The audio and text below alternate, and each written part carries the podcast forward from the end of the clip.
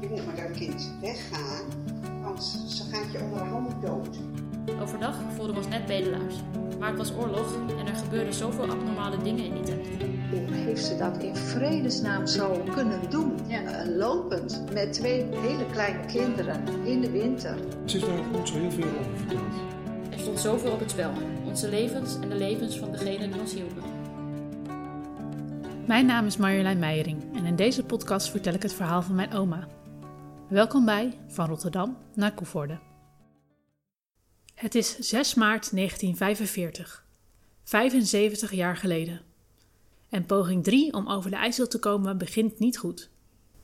Om vijf uur zijn we opgestaan en om zes uur gingen we de deur uit na eerst de familie Westrik heel hartelijk bedankt te hebben. Het was nog erg donker. De weg was ons gewezen, maar toen we op de weg van de Homoed liepen, zijn we te vlug afgeslagen. Zo kwamen we van de harde weg in de uiterwaarden terecht, waar het erg drassig was. Tante Ina vraagt zich daar nog wel iets over af. Dan zou je denken van iemand van, van de Weststreek moet toch meegelopen zijn, maar dat hebben ze niet gedaan. Nee, inderdaad. Nu je het zegt. Dat is eigenlijk wel gek. Nou, misschien dachten ze, we willen niet gepakt worden of zo. Maar... Nou, dat, bleef natuurlijk eh, gevaarlijk. Ja. Mijn oma, Jans en Ati willen in het donker de oversteek maken. Maar doordat ze de kinderwagens door de drassige uiterwaarden moeten trekken in plaats van duwen, komen ze veel later aan dan de bedoeling is. En dan is het al licht. Dat moet heel angstig zijn geweest, denkt tante Nelly. Wat zullen ze angstig zijn geweest? Ja. En, Ik bedoel, ga maar ploeteren waar het drassig is met kinderwagens. Zwaar beladen, met twee van die kleintjes.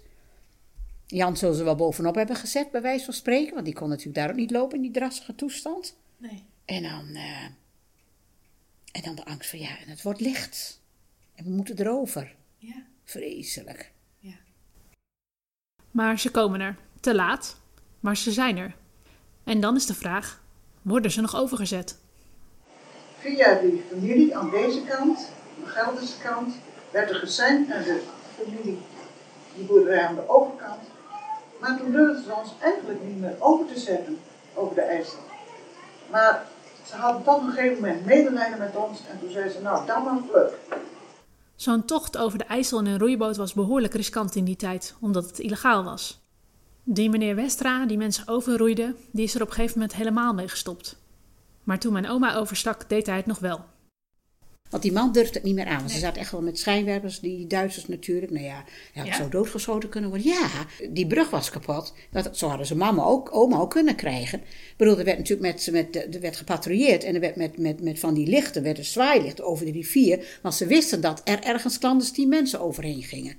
En dat is, en dus, dus het is wonder dat zowel mijn moeder als mijn vader eh, die IJssel overgekomen zijn. En vandaar dat die man, die die roeiboot zelf roeide, het gegeven moment niet meer durfde. En als ze dan eindelijk over de IJssel zijn, dan is het nog niet voorbij met de spanning. Maar terwijl we overgezet werden, dat, daar was het op zijn smalst, toen was de, mevrouw aan de overkant, die stond met een verrekijker uit te kijken of er ook Duitsers aankwamen. Toen kwam ze, toen we al, net aan de overkant waren, kwam ze voor gauw aan, de groene politie komt eraan. Dat wel? Mijn oma heeft het hier over de Grüne Polizei. Dat zegt mij niet zoveel, maar de Koevoordense stadshistoricus Huip Minderhout wel. Wat is dat? Politie, dat was dus de gevreesde militaire politie van de Duitsers. Oké.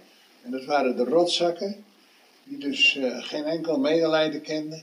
En alleen maar konden schieten en eh, gevangen nemen. Gelukkig had de familie Westera een plan. Ze hielpen ons zo snel mogelijk om uit de boot te komen en we werden verdeeld in die boerderij over drie kamers.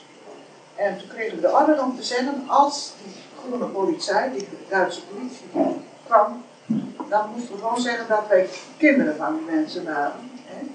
En dat we daar te logeren waren. We hebben daar een uur gezeten. Nou, de baby heeft natuurlijk ook prompt uur gehouden. Maar ja, goed. We waren in ieder geval over de IJssel. Mijn oma is zeker optimistisch te noemen. Een uur lang met een huilende baby, dat wens je toch niemand toe.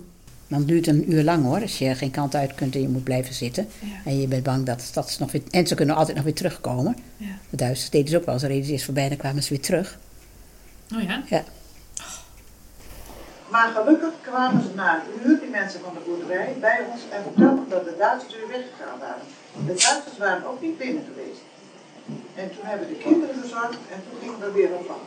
We hebben op pad eten gekregen en een boterham gekregen. Dit moet het spannendste deel van de tocht zijn geweest, denkt tante Meta. Nou ja, toen waren ze gelukkig voor hun gevoel, denk ik. Dit was denk ik ook het spannendste deel van, van de tocht. Hè? Ja. Van, eh, ja, Dat denk ik ook. dat in zo- zo'n bootje en dan met, met kinderwagens en kinderwagens. in een roeiboot over de IJssel. Ja, ja, het moet dan wel een hele grote roeiboot zijn geweest. Ja, of meerdere keren of zo. Dat denk ik niet. Dat, niet. durfden ze niet aan, denk ik. Nee. Hè, eigenlijk had ik in de tijd met mama, had je dit boekje samen even nog door moeten lezen. Ja.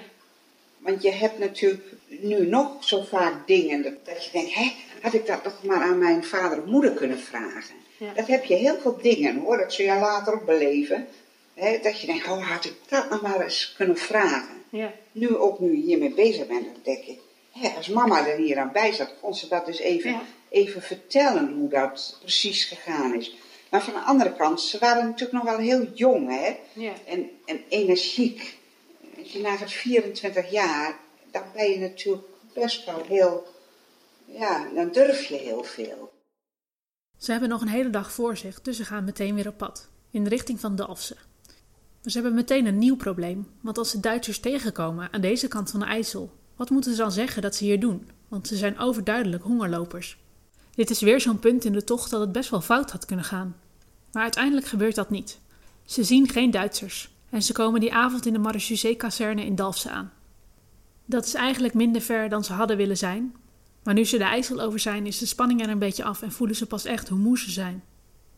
Mijn oma is zo moe dat ze vraagt of ze even mag gaan liggen na het avondeten.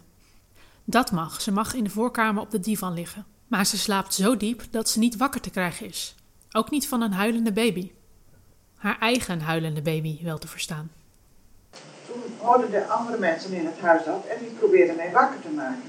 De baby huilde heel hard en doordringend. En, be- en die mevrouw begreep me niet dat ik daar door, door bleef slaan. En toen heeft ze de man er maar bij gehaald. Dat weet ik dus nou achteraf, eh, toen wist ik dat nog niet. En eindelijk gelukte ze toch mij wakker te krijgen. Ik had zo diep geslapen dat ik eerst niet wist waar ik was. Mevrouw was nog wel ongerust over mij, maar het was gewoon de vermoeidheid nu de spanning eraf was. Ze dachten dat ik bewusteloos was. Ze dachten dat ik iets niet goed was. Ik was natuurlijk bleek en mager in die tijd. En, en, eh, Ze zullen er alle drie wel niet best uit hebben gezien. Ondervoed en vermoeid.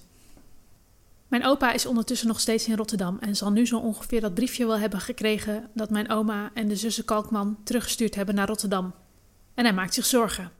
Dat heeft hij wel eens verteld, zegt oom Peter.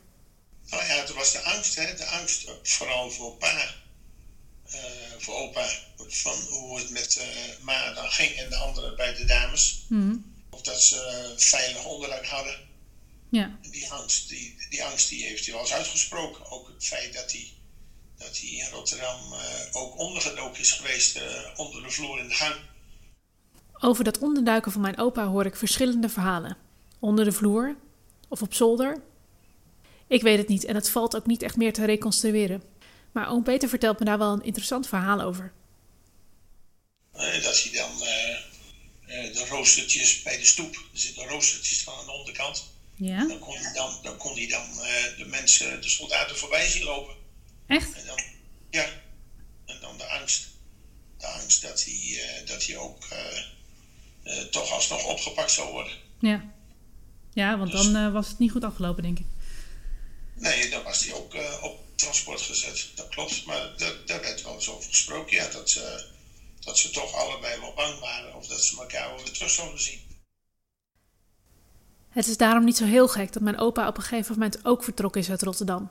Hij gaat ook naar Koevoorde en dat doet hij op de fiets. En dat moet ook een riskante onderneming zijn geweest. Dat zegt oom Bram ook. Dat moet toch een, een, een, een hele riskante onderneming geweest zijn. Hè? Dus hij moest s'nachts. Nou, de, eh, er zullen geen, eh, geen, geen eh, rubberbanden, er zullen geen gewone banden onder gezeten hebben. Dus dat maakt nog een uh, klerenherrie, zou ik ook nog zeggen. Ja. En je mocht na acht uur niet meer naar buiten. Dus eh, hij moest in het donker. Dus hij ging in het donker op de fiets door allerlei binnenweggetjes. En waar laat je die fiets dan? Nou, het, was, hij probeerde wel hier en daar ook bij, eh, bij mensen te schuilen. Ja. Dat hij zijn fiets ergens kwijt kon. eh, maar het was het meest, eh, wat ik dan van begrepen heb, dat hij zijn fiets ergens in een greppel legde. achter de bosjes. En dat hij dan zelf ook ergens een plek op zocht, zocht waar hij kon zitten. Ja. En hoe die, ik heb nooit van hem gehoord hoe hij aan eten kwam of zo. Dat is nooit, dat heeft hij nooit verteld. In de Marechaussee-kazerne ligt inmiddels iedereen te slapen. De dag erna willen ze eigenlijk van Dalfsen naar Koevoorde lopen. Maar dat is 41 kilometer. Dat is het dubbele van wat ze normaal gesproken afleggen. En of ze dat lukt, dat hoor je in de volgende aflevering van Van Rotterdam naar Koevoorde.